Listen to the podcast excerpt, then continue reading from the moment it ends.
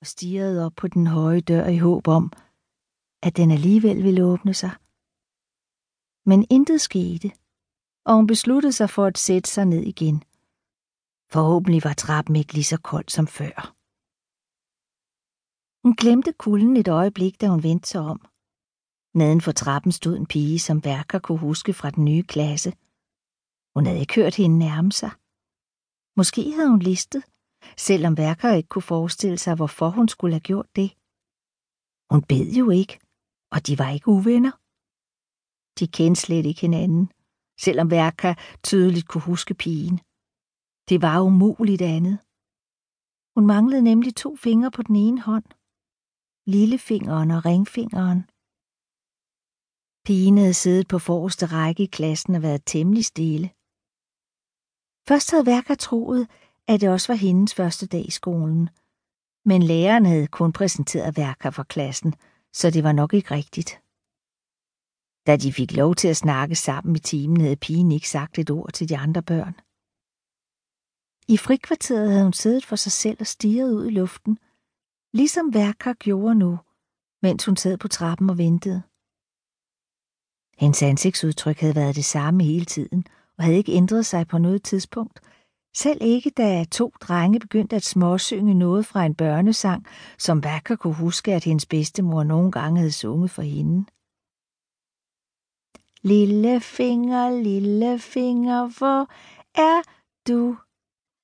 Ringefinger, ringefinger, hvor er du?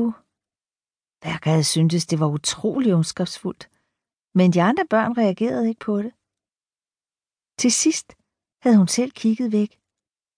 Hun tog ikke blande sig. Hun var ny. De er gået hjem. Pigen smilede forlegent, men smilet forsvandt lige så hurtigt, som det var dukket op.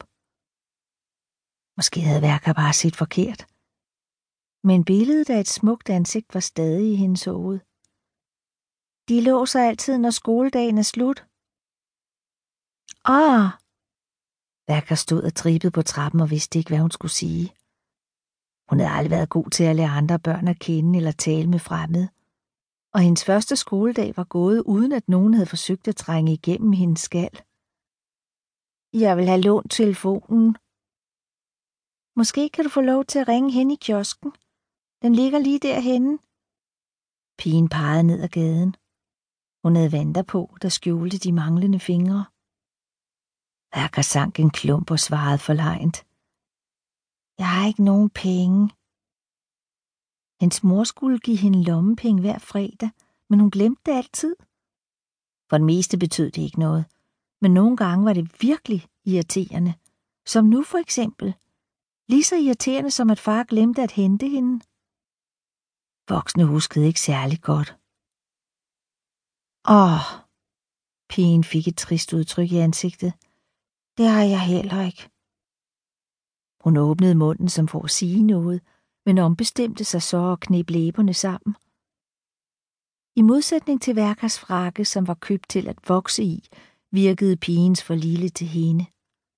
Ærmerne var krøbet op, og det så ud som om den ikke kunne lynes ordentligt. Hun havde ingen hue på, og vinden tog i hendes filtrede hår. Hun havde et par gamle falmede gummistøvler på, selvom det ikke var regnvejr. Hendes fine farverige vanter så derimod forholdsvis nye og rene ud. Det er okay, jeg venter bare. Værker forsøgte at smile, men det mislykkedes. Hun syntes, det var svært at skulle vente i uvidshed. Hun frøs, og hun var også blevet sulten. Hvis far havde været der til tiden, kunne hun have siddet i deres nye køkken nu med et stykke ristet brød. Hun kunne næsten smage det smeltede smør og syltetøjet, og hendes sult voksede. Pigen stod og trippede neden for trappen. Har lyst til, at jeg venter her sammen med dig? Hun så ikke på Værka, da hun spurgte, men drejede i stedet hovedet og kiggede ud over den øde skolegård. Det kan jeg sagtens, hvis du har lyst. Værka vidste ikke umiddelbart, hvad hun skulle svare. Var det bedre eller værre? Valget stod mellem at sidde alene og fryse eller vente sammen med en pige, som hun ikke vidste, hvad hed, og prøve at finde på noget at snakke om.